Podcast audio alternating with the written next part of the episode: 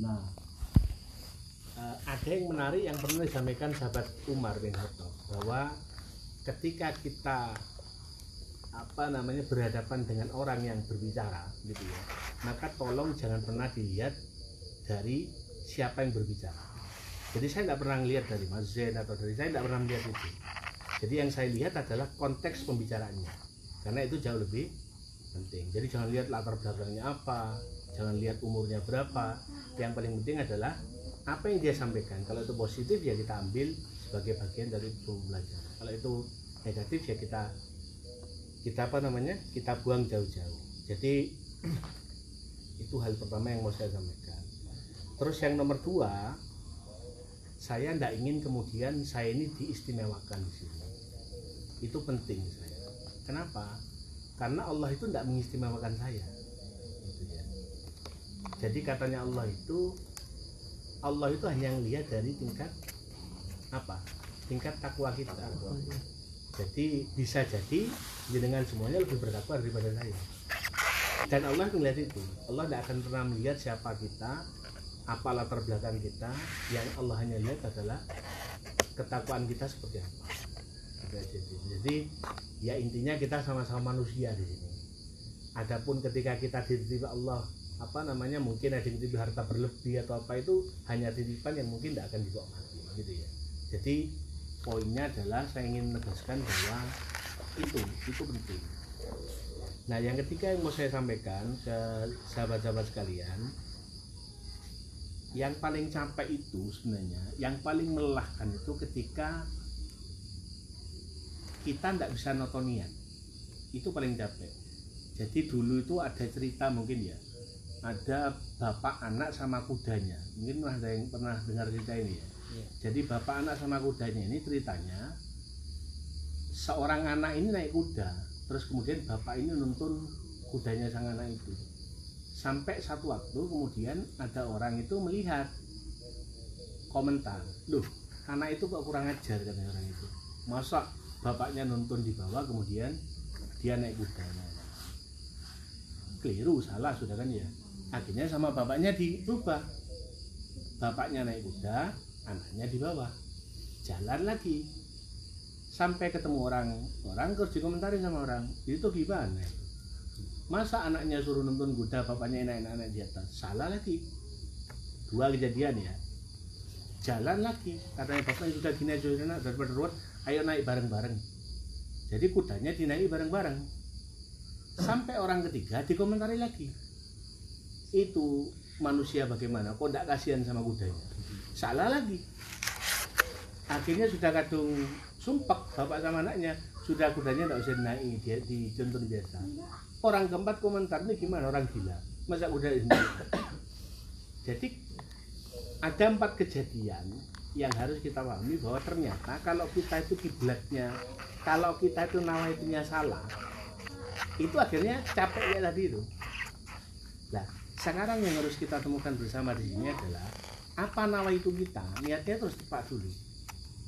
Nah kalau kepingin tahu niat yang yang yang tepat ini bagaimana salah satu niat yang yang insya Allah tidak akan pernah melelahkan itu adalah ketika niat kita lillah. Tidak ada melelahkan itu kenapa? Karena kalau kita sudah niatnya karena Allah selesai itu. Mau dikomentari negatif sama orang tidak ngurus begitu ya? Mau dikomentari miring ya tidak ngurus kan begitu ya? Yang paling penting yang kita lakukan benar dan niatnya benar insya Allah jadi amal kan begitu kan ya? Terlepas apa dan bagaimana tidak ada masalah. Jadi apa namanya itu? Niat itu penting gitu loh. Niat itu penting karena kalau niatnya itu sudah tidak tidak betul ke mana-mana. Akhirnya kemudian kita tidak menemukan untuk apa kita melakukan itu saya yakin malam ini kita ada yang meninggalkan keluarga kita gitu ya. Saya meninggalkan keluarga saya juga jenengan juga meninggalkan. Mungkin ada tadi barusan Mas Jen cerita saya ada rapat saya tinggal. Mungkin ada kesibukan-kesibukan yang lain juga kita tinggal semua gitu ya. Untuk kemudian hari ini kita ketemu. Lah kalau kemudian kita tidak dapat apa namanya itu sesuatu di sini ya percuma jadi saran saya adalah ayo kita nata kembali niat kita bahwa kita tuh niatnya di sini itu karena Allah bukan karena yang lainnya. Itu yang sulit. Karena kadang-kadang bisikan setan tuh mulai masuk oh begini begini sudah seperti itu. Jadi kalau tapi kalau insya Allah kalau kita niatnya lillahi ta'ala insya Allah kita tidak akan pernah. Yang berikutnya yang mau saya sampaikan saya sering ngomong ke Mas Yudi Mas kalau jenengan mau mau membuat KPS besar itu jangan sampai kita itu tidak punya visi. Visi itu penting. Jadi namun tadi Mas Jen punya acara A terus begitu Mas Agung punya acara B jenengan yang sosial punya acara C dan seterusnya. Lah kalau kita tidak punya visi ini mau ke mana larinya? Ini membuat acara-acara saja atau mau ke mana larinya? Tapi ketika kita punya visi yang jelas insya Allah semuanya itu menuju ke sana jadi pun kalaupun misal contoh lah teman-teman apa namanya Dewan Agama itu punya kegiatan ah maka jalannya itu mau ke sana begitu. Bukan ke mana-mana begitu. Seperti teman-teman Dewan Ekonomi membuat kegiatan-kegiatan bersifat ekonomi untuk support. Ya arahnya kita bukan hanya sekedar untuk jual sebenarnya. Karena saya sering mesen ke Mas Yudi Mas teman saya cuma ngomong begini aja. Kalau hitungin bapak ah, bapak saya ini meninggal umur 59 59 mbak saya umur 60 barusan ini teman saya meninggal umur 30-an artinya bahwa hitung-hitungan kasar itu kita sudah dekat kan gitu. Kalau kita sudah dekat pun masa mau kita mikirin dunia terus? Itu aja poinnya. Masa mau kita mikirin dunia terus? Sementara Rasulullah ngomong bahwa satu akhir kita eh, satu hari di akhirat nanti sama dengan berapa tahun?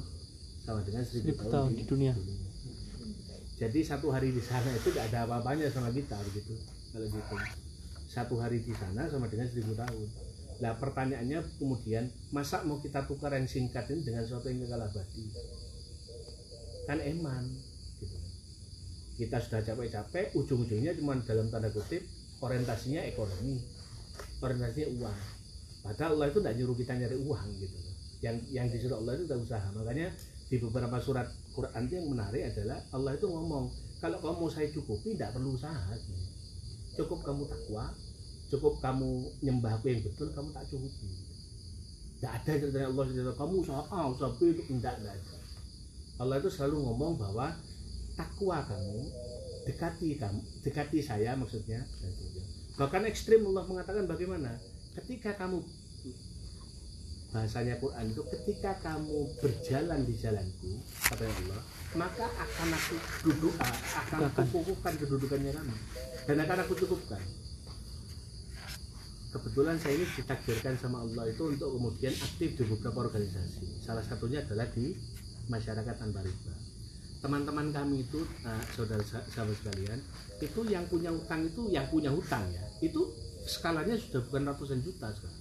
Sudah puluhan miliar bahkan ratusan miliar yang sekarang ini saya tangani jadi skala utangnya itu itu bukan hanya puluhan juta bukan ratusan juta sudah ratusan miliar dan tahukah jenengan semuanya bahwa untuk menyelesaikan yang cepat selesai dari semua utang-utang yang cepat selesai itu rata-rata malah orang yang tidak mikir utangnya. Tak ulangi lagi. Orang kalau fokus ke utangnya itu malah tidak selesai. Jadi kapan-kapan bisa saya undang. Saya saya saya datangkan teman-teman yang punya utang banyak ya. Dia menyelesaikannya bagaimana caranya? Sederhana. Dia berjuang di jalan Allah. Dakwah terus-terus dia lakukan itu jadi dia nggak pernah mikir ya usaha tetap dia gitu ya dagang terus dagang cuman dia lebih fokus bagaimana caranya mengapa berdakwah di jalan Allah dan itu rata-rata cepat selesai ada teman saya barusan utangnya sekitar 100 juta utang ke temannya. Waduh gimana cara bayar ini utang 100 juta? Selesai. Tapi dia fokus ke Allah. Habis itu tidak sengaja temannya telepon malam itu. Ini utang tahunan tidak selesai ya ratusan juta ya. Pun sama temannya kamu sekarang ke rumah saya. Bu enggak saya tidak enak. Karena punya hutang. Begitu dia duduk dia ngomong begini ini saya dapat rezeki. Mulai malam ini utang kamu saya akan lunas. Selesai 100 juta. Hanya begitu saja unlogic kan? Tidak pernah kita pikirkan sebelumnya. Tapi itu terjadi hal itu terjadi. Nah makanya itu saran saya sekalian ke rekan-rekan sekalian mumpung belum jauh ya kita melakukan. Jenengan melakukan ini semua untuk apa tuh kalau jenengan tidak bisa nata niatnya sampai lebih bagus jangan. Karena akan capek. Tapi kalau panjenengan itu memang nyawa itu yang lillahi ta'ala panjenengan akan menemukan keajaiban yang luar biasa. Kan gitu yang namanya miracle. Mesti akan ada. Kadang-kadang masalah-masalah rumit juga kadang Allah itu itu hal-hal yang kadang-kadang enggak enggak enggak tapi gitu jadi sekali lagi saya kembali mengingatkan kepada rekan-rekan sekalian niatnya kita untuk apa kita melakukan ini? Kalau seandainya kita ragu ya mumpung belum jalan ya mending jangan sekalian kan begitu kan ya. Kalau misal yakin jebur jebur sekalian jangan nanggung nanggung gitu. Kadang nyemplung jadi, jadi jangan nanggung jangan. Kalau tidak basah baru sekalian. Jadi saya hanya mengingatkan di sini bahwa sekarang kita kita introspeksi. Kalau misal sekiranya kita itu ragu karena insya Allah di sini bisa jadi ya bisa jadi bisa jadi jenengan tidak akan dapat feedback di sini tidak akan terjadi. Tapi ketika jenengan fokusnya ke situ insya Allah ya akan dapat capek. Tapi kalau insya Allah fokusnya kita itu untuk hal yang lain insya Allah tidak jadi makanya saran saya mumpung belum terlambat ya mumpung belum jauh ditoto lagi niatnya. Kalau misal kita menyemplung ya nyemplung sekali gitu ya. Kalau enggak ya enggak apa-apa gitu. Apakah kemudian ini akan akan apa istilahnya itu akan jalan tanpa akan jalan tanpa itu enggak ini terus akan berjalan. Allah itu akan menunjuknya saya. Pernah coba tanyakan awal dulu. Saya tidak pernah bayangkan dapat orang sebanyak ini.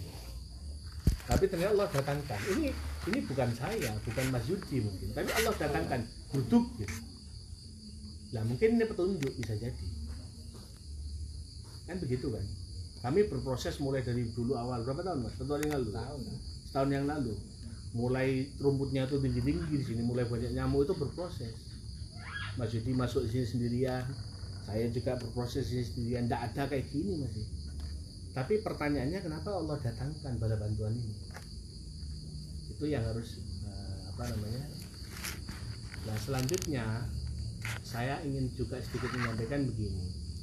Mungkin kita pernah dengar kisah yang fenomenal yang namanya perang Uhud ya. Perang Uhud pernah dengar ya? Hmm. Nah, perang Uhud itu ternyata di perang Uhud itu Islam menang apa kalah? Menang. Di perang Uhud. Di perang Uhud kita kalah endingnya. Endingnya, endingnya. endingnya kita kalah. Nah, pertanyaannya yang menarik itu adalah kalau kita teliti ya, kenapa kok di perang Uhud kita kalah? Yang pertama kita sebenarnya mendominasi, tapi tiba-tiba kita kalah. Tahu nggak sebabnya kenapa? Salah satu sebabnya adalah ketika terjadi peperangan, Rasul ini ngomong ke pasukan panah, kamu standby, begitu ya, kamu standby di sana, jangan gerak. Paham ya? Apa yang terjadi? Pasukan panah ini kemudian mundur, ada yang ada yang keluar dari barisannya, tapi tidak ngomong ke Rasul. Lah, sama dengan kita. Kita ini kan komunitas gitu ya ada pemimpinnya, ada pemimpinannya. Itu kan struktur kan begitu ya. Nah, di sini saya belajar tentang sesuatu itu ada babnya sendiri. Kalau kita mau belajar namanya fikih perizinan itu ada ternyata di Islam. Jadi sebelum kita melakukan sesuatu itu kita kalau bahasa kita itu konfirmasi ya, koordinasi, konfirmasi itu ada. Jadi fikih fikih izin itu diatur sama Islam. Allah itu mengatur. Jadi Rasul itu mengatur, mengajarkan oh jadi kalau misal contoh ngapunten Dewan Litbang misal saya punya rencana begini oh boleh kita itu tidak membatasi imajinasi liar ya dalam tanda kutip ya. Konsep-konsep sembarang dicurahkan karena kita kan mau mau berjuang kan gitu ya. Jadi saya itu menghargai betul. Tapi ketika konsep-konsep itu sudah jadi konsep kemudian kita bicarakan dan ternyata ditimbang manfaat mudorotnya kemudian kita ambil keputusan maka kita harus menghargai keputusan yang sudah diambil. Jadi itu penting rekan-rekan sekalian. Jadi maksud saya adalah kita jangan pernah menyesal dengan konsep yang sudah kita buat. Itu intinya. Karena kita, kita lillah buat konsep yang terbaik lakukan konsep yang terbaik. Tapi ketika kita komunikasikan terus kemudian oh kayak ini banyak mudorotnya deh misalnya. Ini begini ya kita hargai itu. Ngerti ya? Sebagai cerminan dari perang Uhud tadi itu. Karena kalau kita tidak menghargai itu artinya kemudian yang terjadi adalah jalannya sendiri-sendiri. Satunya jalan ke sana satunya jalan ke sana satunya jalan ke sana tidak ketemu tujuannya. Padahal kita ini mau ke tujuan yang apa sih tujuan kita sebenarnya? Tujuan kita apa kira-kira? Jadi salah satunya kan setidak-tidaknya kita itu kan bisa kumpul kayak gini bukan di sini. Tapi setidak-tidaknya kita bisa kumpul kayak gini terus dengan Allah kan begitu kan jadi kita bisa ketemu. Nanti kalau misal masih di masuk surga duluan ditanyakan loh Pak Alvin mana? Oh tidak ada. Kemarin sama saya itu ngaji bareng. Ditarik Pak Alvin lo masih terus ke mana? Kok tidak ketemu ini? Tidak kelihatan masih ditarik. Jadi komunitas yang baik itu kita narik. Seperti itu. Kan apalagi yang mau disasar. Kan begitu kan tujuan akhirnya kita kan mau masuk surga. Kan begitu. Walaupun surga itu juga belum tahu kita kayak apa. Itu hal-hal yang menurut saya penting saya sampaikan. Sekali lagi ya jadi mulai dari itu kenapa? Karena uh, mau tidak mau kalau misal hal-hal yang tadi itu tidak kita pahami betul. Yang saya khawatirkan adalah kita nanti ujungnya takut ada kekecewaan gitu aja. Itu yang saya hindari. Jadi lebih bagus kita notos di awal. Kalau misal niatnya kita memang betul-betul lillah ya ayo bareng-bareng berjuang bareng-bareng dan mungkin tidak kita dapatkan sekarang siapa tahu nanti kemudian ini jadi ladang amal kita. Amin. Amin kita sudah karena kan semuanya ditinggal dapat sekalian. Jadi yang ada ya cuman apa ya amal. Yang ada cuma amal itu mungkin hal-hal yang apa namanya perlu saya sampaikan ke mana? Ke rekan-rekan sekalian terkait dengan apa namanya dengan KPS ya. Yang jelas saya kalau secara pribadi itu sangat support hal-hal yang terkait dengan sesuatu yang positif. Cuman ada beberapa hal yang juga terkadang itu harus saya ingatkan. Bukan karena apa saya mengingatkan itu tujuannya adalah untuk agar kemudian lebih banyak manfaat yang dihasilkan daripada mudarat kalau selama kita positif mohon tidak ada masalah. Kita berjuang bersama. Kalau ada halal positif ada masukan nanti kita monggo tidak ada masalah. Saya terbuka akan kritikan saya terbuka akan masukan monggo tidak ada masalah. Tapi intinya saya hanya berusaha bagaimana agar kampung Pejong Syariah ini tetap pada relnya kita jadi kita tetap pada tujuannya yakni bagaimana caranya membangun sebuah peradaban. Ya peradaban itu tidak bisa lepas dari ekonomi pasti. gitu. Tapi bukan ansih semata-mata ekonomi. Saya khawatir ada orientasinya yang tidak tidak tidak anu. Karena itu kalau kita niatnya sudah betul insya Allah Allah itu akan kasih dan datangkan banyak apa ya banyak manfaat di sini. Itu Amin. ya, amin. Itu sementara yang bisa saya sampaikan uh, Mas Alvin Mas Alhamdulillah mungkin kalau ada hal yang perlu diskusikan monggo kita buat ya kita sementara begitu terima kasih banyak assalamualaikum warahmatullahi wabarakatuh. Waalaikumsalam warahmatullahi أعوذ بالله من الشيطان الرجيم بسم الله الرحمن الرحيم إلى هدتنا بالمصطفى سيدنا محمد صلى الله عليه وسلم وصحبه والتابعين والعلماء العاملين والمصنفين المخلصين وجميع الملائكة المقربين الفاتحة أعوذ بالله من الشيطان الرجيم بسم الله الرحمن الرحيم الحمد لله رب العالمين الرحمن الرحيم مالك يوم الدين إياك نعبد وإياك نستعين اهدنا الصراط المستقيم صراط الذين أنعمت عليهم غير المغضوب عليهم ولا الضالين آمين ثم إلى جميع أهل القبور المسلمين والمسلمات والمؤمنين والمؤمنات الأحياء والشهداء والصالحين والسابة والتابعين خصوصا إلى روحي المرحوم Jebol Mursadi Bakutin Paiman Sonrahi Haji Umar Bambang Hendra Wijaya Sonirahi Nurhanur Rahman Sonirahi Siti Bapak Siti Al-Fatihah أعوذ بالله من الشيطان الرجيم بسم الله الرحمن الرحيم لله رب العالمين الرحمن الرحيم مالك يوم الدين إياك نعبد وإياك نستعين اهدنا الصراط المستقيم صراط الذين أنعمت عليهم غير المغضوب عليهم ولا الضالين آمين حسن الرحيم الله profesor ulama kiai para alim para guru ya Allah yang sudah tinggalkan kita amal ibadah di timur الفاتحة أعوذ بالله من الشيطان الرجيم بسم الله الرحمن الرحيم لله رب العالمين الرحمن الرحيم مالك يوم الدين إياك نعبد وإياك نستعين صراط المستقيم صراط الذين أنعمت عليهم غير المغضوب عليهم ولا الضالين آمين تقبل الله منا ومنكم تقبل يا كريم أعوذ بالله من الشيطان الرجيم بسم الله الرحمن الرحيم وما من دابة في الأرض إلا على الله رزقها ويعلم مستقرها ومستودعها كل في كتاب مبين وهو الذي خلق السماوات والأرض في ستة أيام وكان عرشه على الماء ليبلوكم أيكم أحسن عملا وإن قلت إنكم مبعوثون من بعد الموت ليقولن الذين كفروا إن هذا إلا سحر مبين وإن أخرنا عنهم العذاب إلى أمة معدودة ليقولن ما يابسه ألا يوم يأتيهم ليس مصروفا عنهم وحاق بهم ما كانوا به يستهزئون ولئن أذقنا الإنسان منا رحمة ثم نزعناها منه إنه ليئوس لكفور ولئن أذقناه نعما بعد ذراء مسته ليقولن ذهب سيئة عني إنه لفرح فخور. إلى الذين صبروا وعملوا الصالحات أولئك لهم مغفرة وأجر كبير.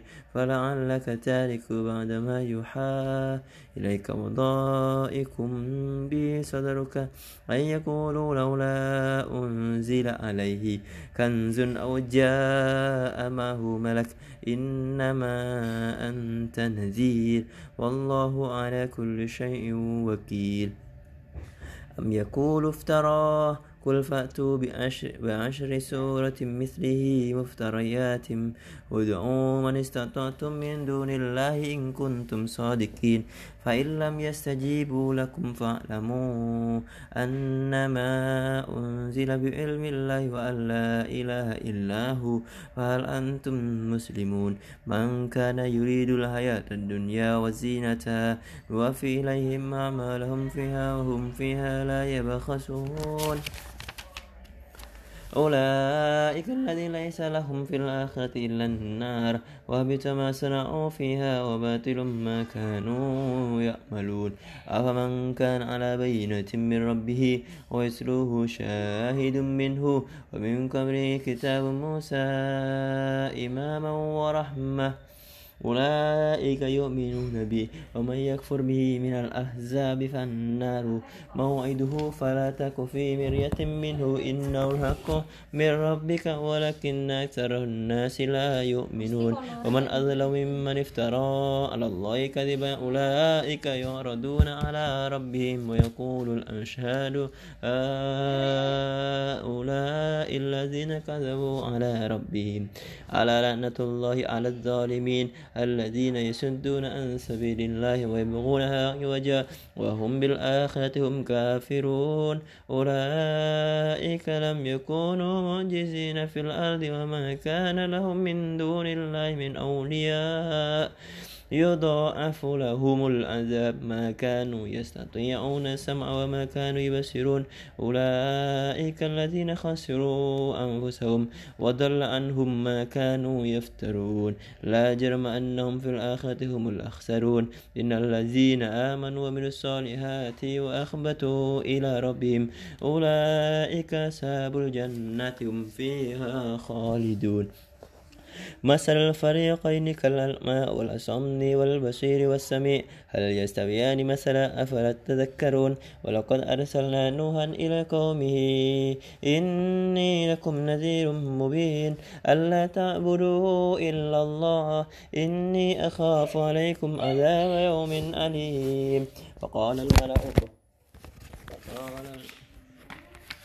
قال الملأ الذين كفروا من قومه ما نراك إلا بشرا مثلنا وما نراك اتبعك إلا الذين هم أراذلنا بدير وما نرى لكم علينا من فضل بل نظنكم كذلك كاذبون.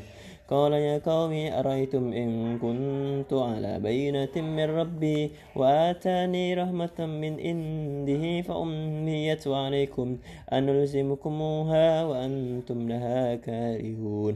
ويا قوم لا أسألكم عليه مالا إن أجري إلا على الله وما أنا بطارد الذين آمنوا.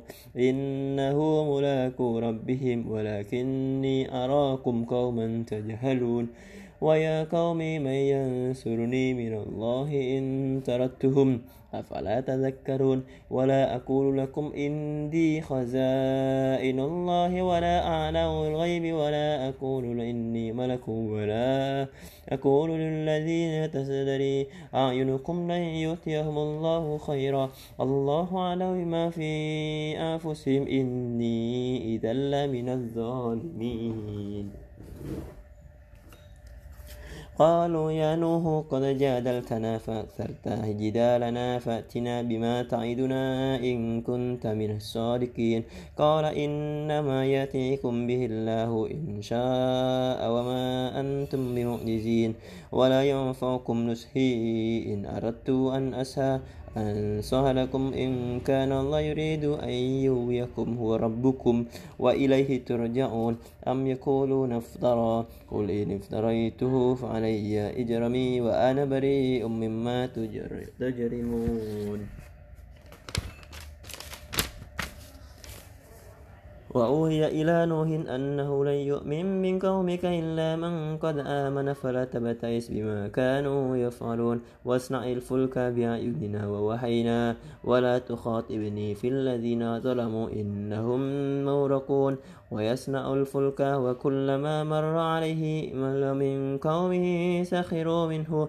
قال إن تسخروا منا فإنا نسخر منكم كما تسخرون وسوف تعلمون من يأتيه عذاب يخزيه ويحل عليه عذاب مقيم حتى إذا جاء أمرنا وفرت النور قل نحمل فيها من كل زوجين اثنين وأهلك إلا من سبق عليه القول ومن آمن وما أمن آمن ومعه إلا قليل. قال اركبوا فيها بسم الله مجريها ومرساها. إن ربي لغفور رحيم. وهي تجري بهم في موج كالجبال. ونادى نوح ابنه وكان في معزل مأزر يا بني اركب معنا ولا تكن مع الكافرين. قال سآوي إلى جبل يعصمني من الماء. قال عاصم اليوم من أمر الله إلا من رحم. وحال بينهما الموج فكان من المؤرخين. وقيل يا أرض ابلغي معك وما يسأل فسوى سماء أغنئي وغيد الماء وقضي الأمر واستوت على الجود وكيل بؤد للقوم الظالمين ونادى نوح ربه قال ربي إن ابني من أهلي وإن وعدك الحق وأنت أحكم الحاكمين. بسم الله.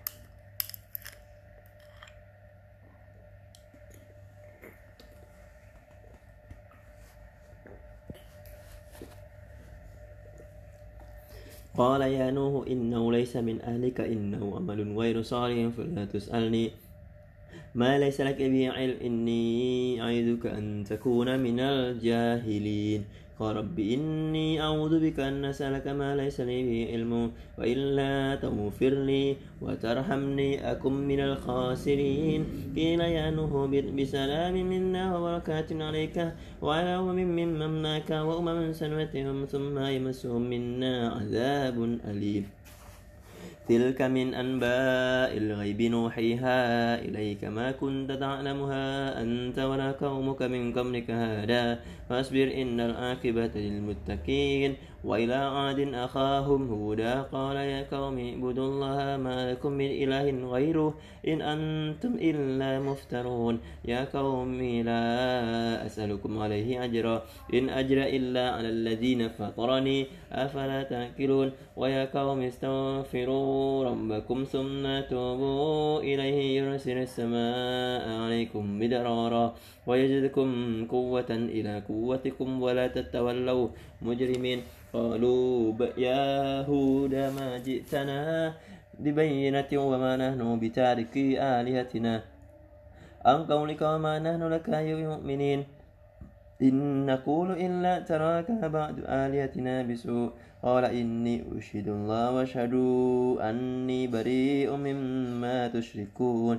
من دوني فكيدوني جميعا ثم لا تنذرون. إني توكلت على الله ربي وربكم وما من دابة إلا هو آخذ بناسيتها إن ربي على صراط مستقيم.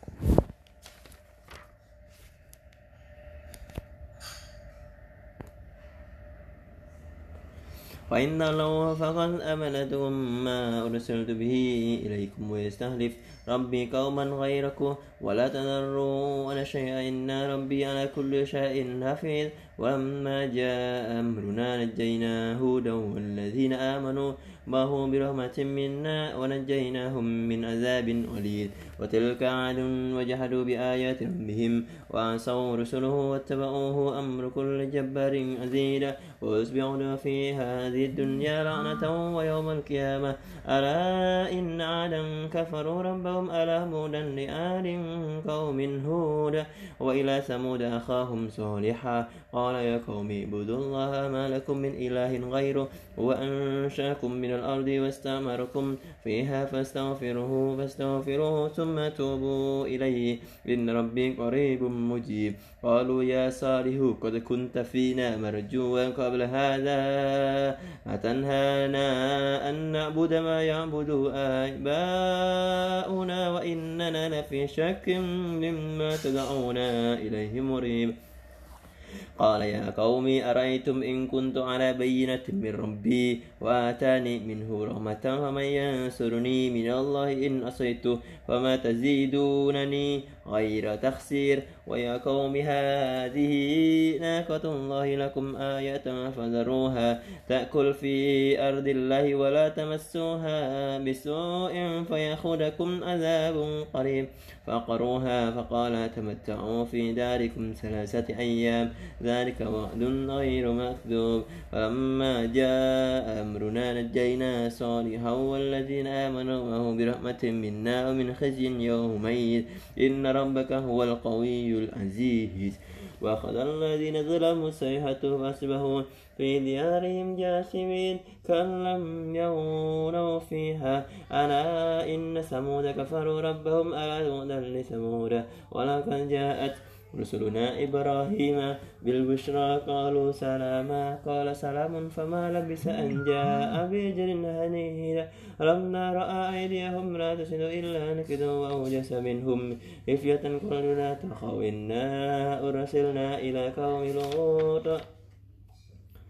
وامرأته قائمة فذكر وبشرناها بإسحاق ومن وراء إسحاق ويعقوب قالت يا ليتنا آلي وأنا أجول وهذا بعدي شيخا إن هذا لشيء نجيب قالوا أتعجبين؟ أتعجبين جبين من أمر الله رحمة الله وبركاته عليه أهل البيت إنه حميد مجيد. أما ذهب عن إبراهيم الروح وجاءته البشرى يجادلنا في قوم لوط إن إبراهيم لحليم أواه منيب. يا إبراهيم أعرض عن هذا إنه قد جاء من ربك وإنهم آتيهم عذاب غير مردود. وأما جاءت رسلنا وتنسي بمضاق بهم درعا وقال هذا يوم أسيب وجاء قومه يوم يرهرون إليه وإن قبل كانوا يأملون فآمنوا السيئات قال يا قوم هؤلاء بناتي أطهر لكم فاتقوا الله ولا تخزوني في ضيفي أليس منكم رجل رشيد قال لقد علمت ما لنا ببناتك من حق وإنك لتعلم ما نريد قال لو أن لي بكم قوة أو آوي إلى ركن شديد قالوا يا لوط إن رسل ربك لن يصلوا إليك فأسر بأهلك بقطع من الليل ولا يلتفت منكم أحد إلا امرأتك إنه مصيب ما أصابهم. إن موعدهم الصبح أليس الصبح بقريب؟ ولما جاء أمرنا جعلنا عليها سافلها وأمطرنا عليهم حجارة من سجيل منضود مسومة عند ربك وما هي من الظالمين ببعيد؟ وإلى مدين أخاهم شعيبا قال يا قوم اعبدوا الله ما لكم من إله غيره ولا تنقصوا المكيال والميزان إني أراكم بخير وإني أخاف عليكم عذاب يوم عظيم. عذاب يوم محيط. ويا قوم أوفوا بالمكيال والميزان بالقسط ولا تبخسوا الناس أشياءهم. ولا تعثوا في الأرض مفسدين. بقية الله خير لكم إن كنتم مؤمنين. وما أنا عليكم بحفيظ. قالوا يا شعيب أصلاتك أمر أن نترك ما يعبد آباؤنا أو أن نفعل في أمرنا؟ أموالنا وما نشاء. إنك أنت الحليم الرشيد. قال يا قوم أرأيتم إن كنت على بينة من ربي؟ ورزقني منه رزقا حسنا وما أريد أن أهلك إلى ما أنا. إن أريد إلا إصلاح استطعت وما توفي وتوفيقي إلا بالله. عليه توكلت وإليه أنيب.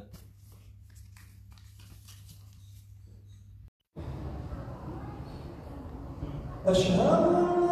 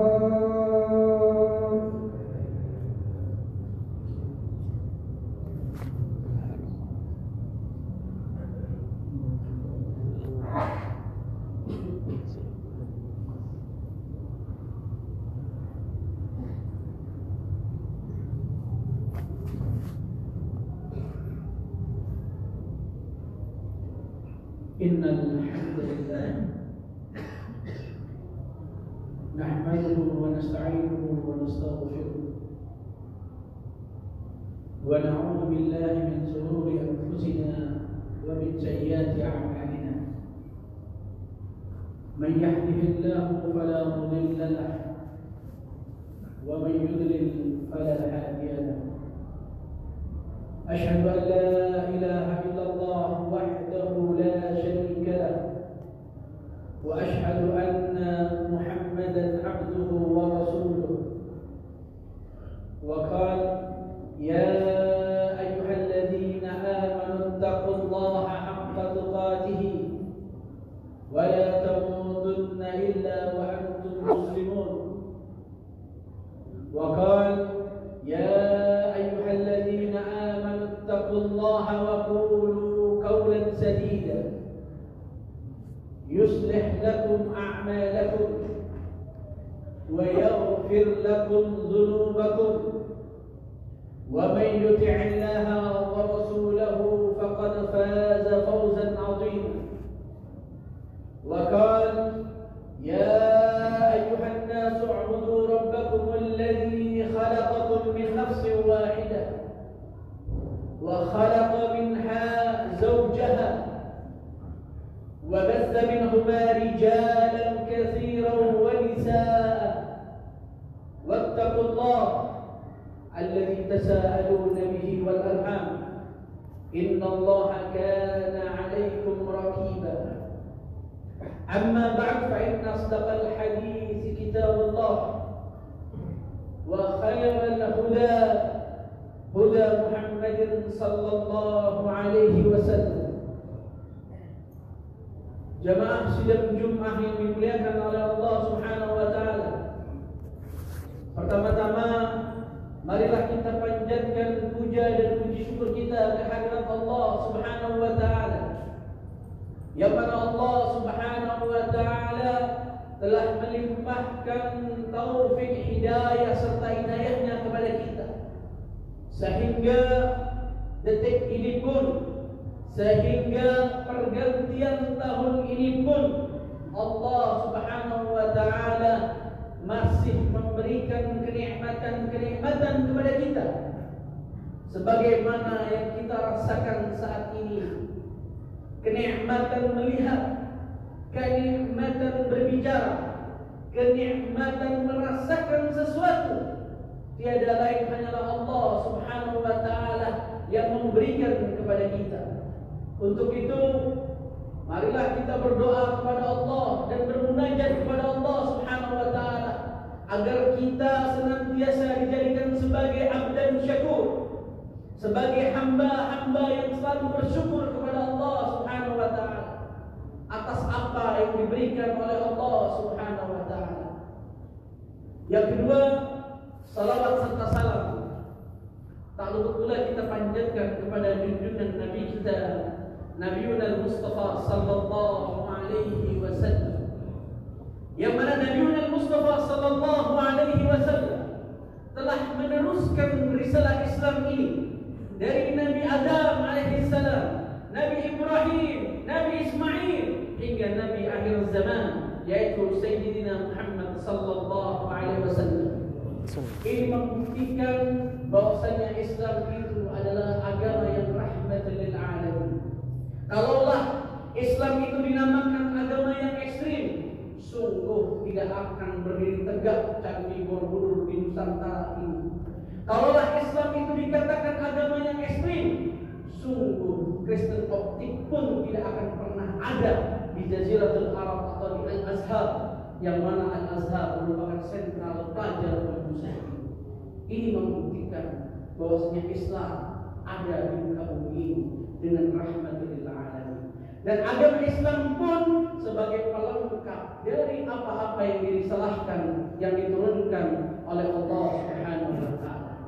Maka itu tercantum di dalam Al-Qur'an Allah Subhanahu wa taala berfirman, "Al-yawma akmaltu lakum dinakum wa atmamtu 'alaykum ni'mati wa raditu lakum al-Islam madina." Al-yawma hari ini atmamtu Al-yawma akmaltu lakum dinakum telah kusempurnakan dinul Islam ini bagimu. Wa atmamtu alaikum ni'mati dan aku berikan nikmat Islam ini bagimu. Wa raditu lakum al-Islam Madinah dan aku ridho Islam ini sebagai agama. Ini merupakan bukti bahwasanya Islam saat ini berdiri dari Nabi Adam alaihissalam sampai zaman akhir dengan sempurna. Jemaah sidang Jumat yang dimuliakan oleh Allah Subhanahu wa taala. Sesungguhnya amat sangatlah banyak pada hari ini pada orang-orang yang sekarang tinggal di alam kubur. Mereka meminta kepada Allah Subhanahu wa taala. Mereka memohon kepada Allah Subhanahu wa taala agar ajalnya ditangguhkan jamaah, agar kematiannya ditangguhkan meskipun sebentar saja. dan kisah ini, cerita ini Allah firmankan di dalam Al-Quran. Di dalam surat Al-Munafikun ayat yang ke-10 Allah Subhanahu wa taala berfirman Bismillahirrahmanirrahim wa anfiqu mimma razaqnakum min qabl ay ya'tiya ahadakumul maut laula akhartani ila ajalin qarib fa asdaqa wa akun minas salihin. Yang artinya dan sedekahkanlah sebagian dari apa yang telah kami berikan kepadamu. Sebelum datang kematian kepada salah seorang di antara kamu yang lalu ia berkata ya rabbi laula akhartani ila ajalin qarib ya rabb ya rabb tangguhkanlah kematianku sebentar saja. Fa asdaqa sungguh aku akan bersedekah. Wa aku salihin. Dan aku ini akan menjadi orang-orang yang saleh. Jamaah sidang Jumat yang dimuliakan oleh Allah Subhanahu wa taala. Di dalam ayat tersebut sungguh kebanyakan saat ini di antara penghuni kubur meminta dan memohon kepada Allah Subhanahu wa taala agar mereka dapat ditangguhkan ajalnya. Mereka mengatakan kalau mereka akan dikuburkan mereka berkata kepada Rabbnya ya Rabbi laula akhartani ila ajalin qarib ya Rabb seandainya kau boleh tangguhkan ajalku saat ini meskipun hanya sebentar saja ya Rabb maka Allah Subhanahu wa taala berkata wahai hambaku tatkala aku tangguhkan saat ini ajalmu saat ini kematianmu maka apa yang akan kamu kerjakan wahai hambaku? Para penghuni kubur atau orang yang akan dikuburkan ini mengatakan ya Rabbi fa'asdaqa sungguh saat ini pun aku akan sedekah ya Rabbi. Wa aku minas dan aku ingin nantinya termasuk orang-orang yang saleh jamaah sidang Jumat yang dimuliakan oleh Allah mengapa kita sering kali memisahkan antara bersedekah dengan beramal saleh bukankah bersedekah dengan amal saleh menjadi satu kesatuan yang dapat menghimpun kelak amal ibadah kita di dunia ini dan dapatkan ibadah ajarnya di akhirat nanti. Balasan surga jemaah nanti Allah akan berikan di surga. Balasan bagaimana haji yang mabrur tentu akan didapatkan tatkala kita selesai hisab dan kita masuk di surga dan balasan mendidik anak-anak kita tentunya nanti ajarnya Allah akan berikan kelak kita masuk di Jannatul Firdaus.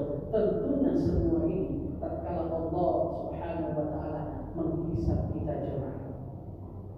Adapun amalan kita bersedekah Allah sudah berikan tatkala kita ke liang kubur.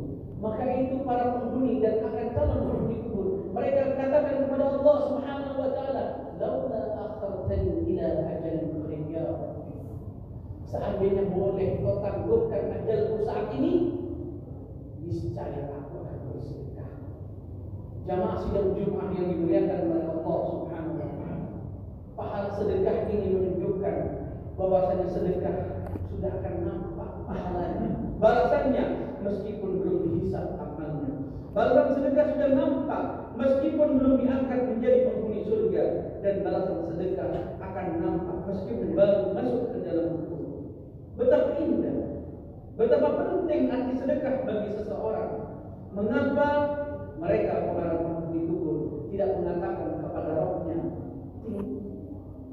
tambahkan usiaku, tempuhkan kematianku agar bisa Kasih aku waktu sedikit saja, aku akan umroh. Nah, mereka tidak mengatakan seperti itu. Tetapi mereka mengatakan, Fa'asdaqa. Sumpah ya Allah, jujur ya Allah, aku akan bersedekah. Ini membuktikan jamaah sidang Jumat yang dimuliakan oleh Allah Subhanahu wa taala. Pahala sedekah langsung Allah akan berikan kepada siapa yang bersedekah, tatkala dia akan dimasukkan ke dalam Jamaah sidang Jumat yang dimuliakan oleh Allah Subhanahu.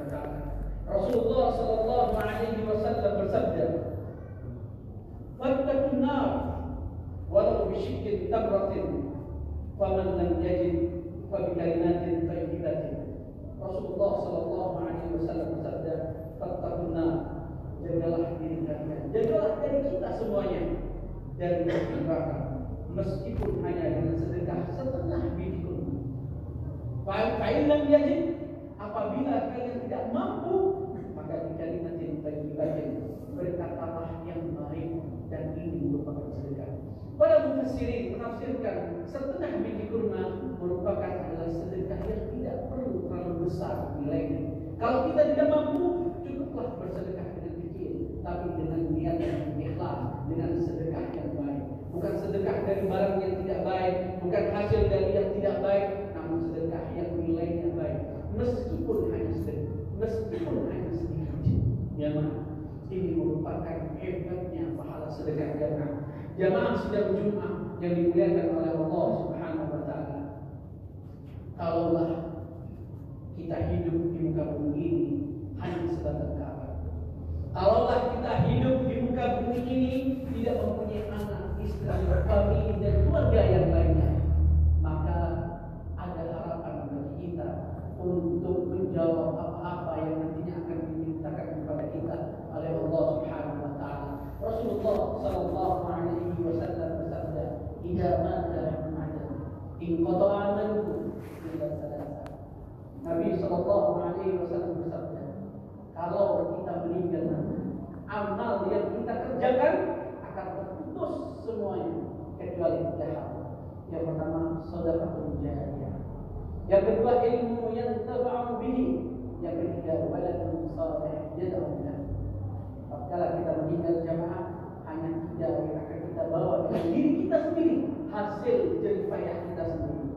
Yang pertama sedekah jariyah, sedekah jariyah, sedekah membangun masjid, sedekah memberikan bantuan kepada fakir miskin, sedekah apa pun yang bentuknya baik, maka ini yang dapat kita dari neraka. Apa pun bentuknya sedekah, tak kalah barang yang kita berikan baik nilainya dengan ikhlas dunia maka Allah akan berikan pahala sedekah yang luar biasa. Tentunya pahala sedekah ini nanti Allah berikan tidak waktu dihisab, tetapi Allah berikan pahala sedekah ini tatkala kita nanti akan dimasukkan ke dalam dunia. Yang pertama sedekah dunia. Yang kedua ilmu yang bihi, ilmu yang bermanfaat jemaah. Ilmu yang bermanfaat ini adalah kita mengajarkan sesuatu yang baik kepada orang. Orang itu mengamalkan, maka ilmu ini akan mengalir nantinya di kuburan bersama kita, menemani kita tatkala kuburan gelapnya luar biasa. Yang ketiga adalah waladun soleh, anak soleh yang berbakti kepada kedua orang.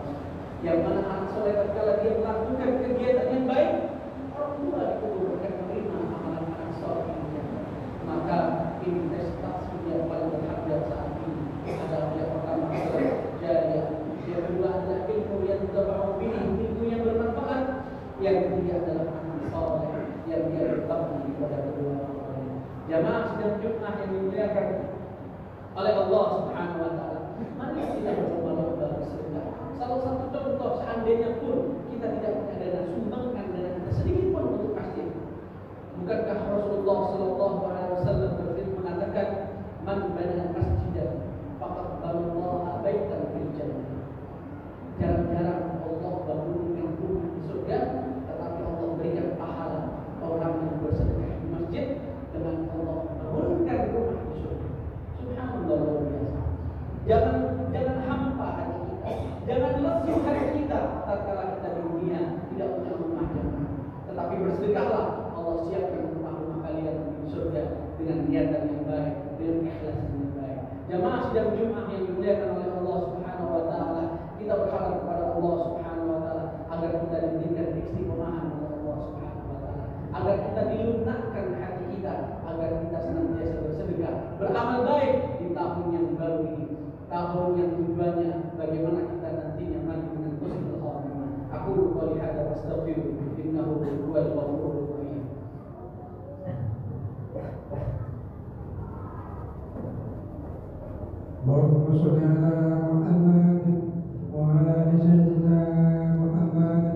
اللهم صل على رسولنا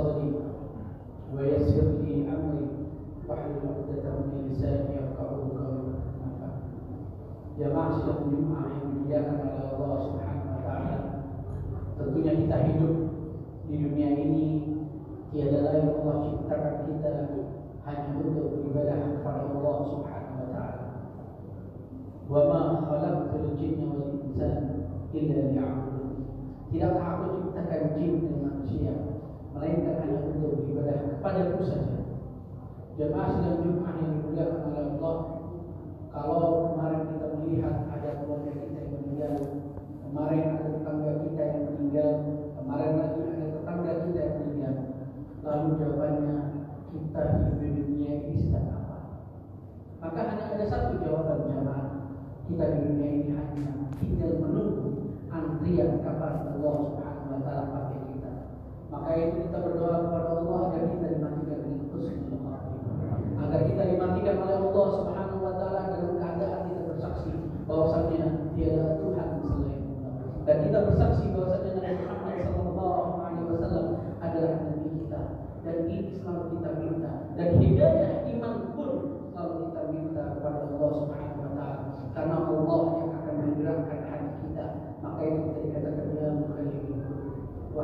yang membolak-balikkan hati kita. Sabit qalbi ala dihina wa taqwani. Luruskan, tegakkan hati kita pada ajaran iman, ajaran Islam, ajaran Allah Subhanahu wa taala. Marilah kita berdoa jemaah dan Jumat yang dimuliakan oleh Allah agar kita diberikan keistiqomahan oleh Allah Subhanahu wa taala. Inna Allah wa malaikatahu yusalluna 'alan nabi. Ya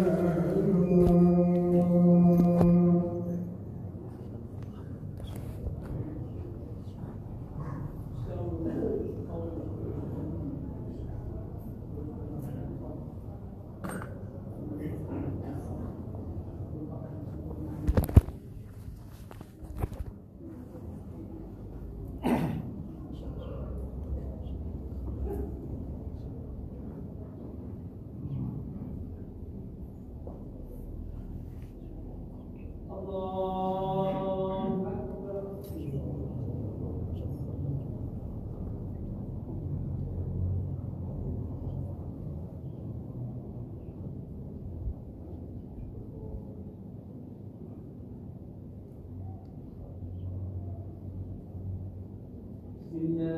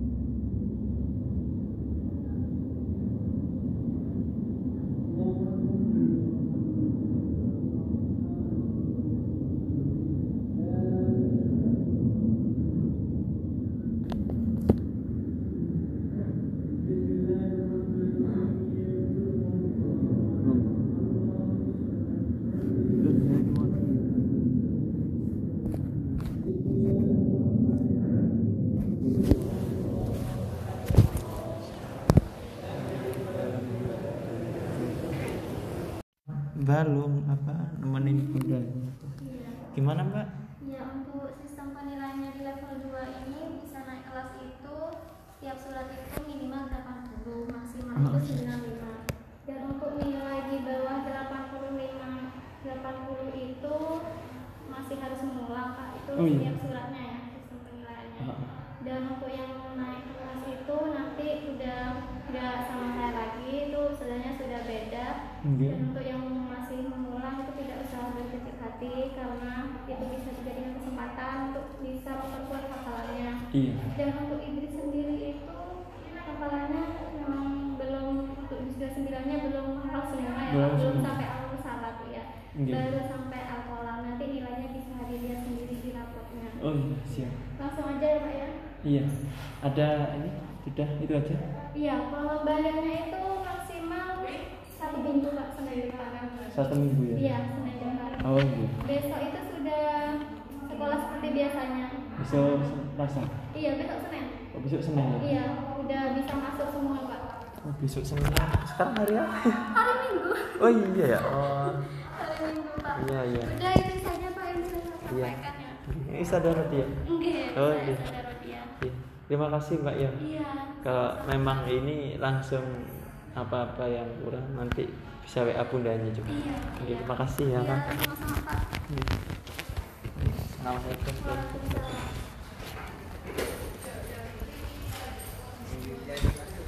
Ih,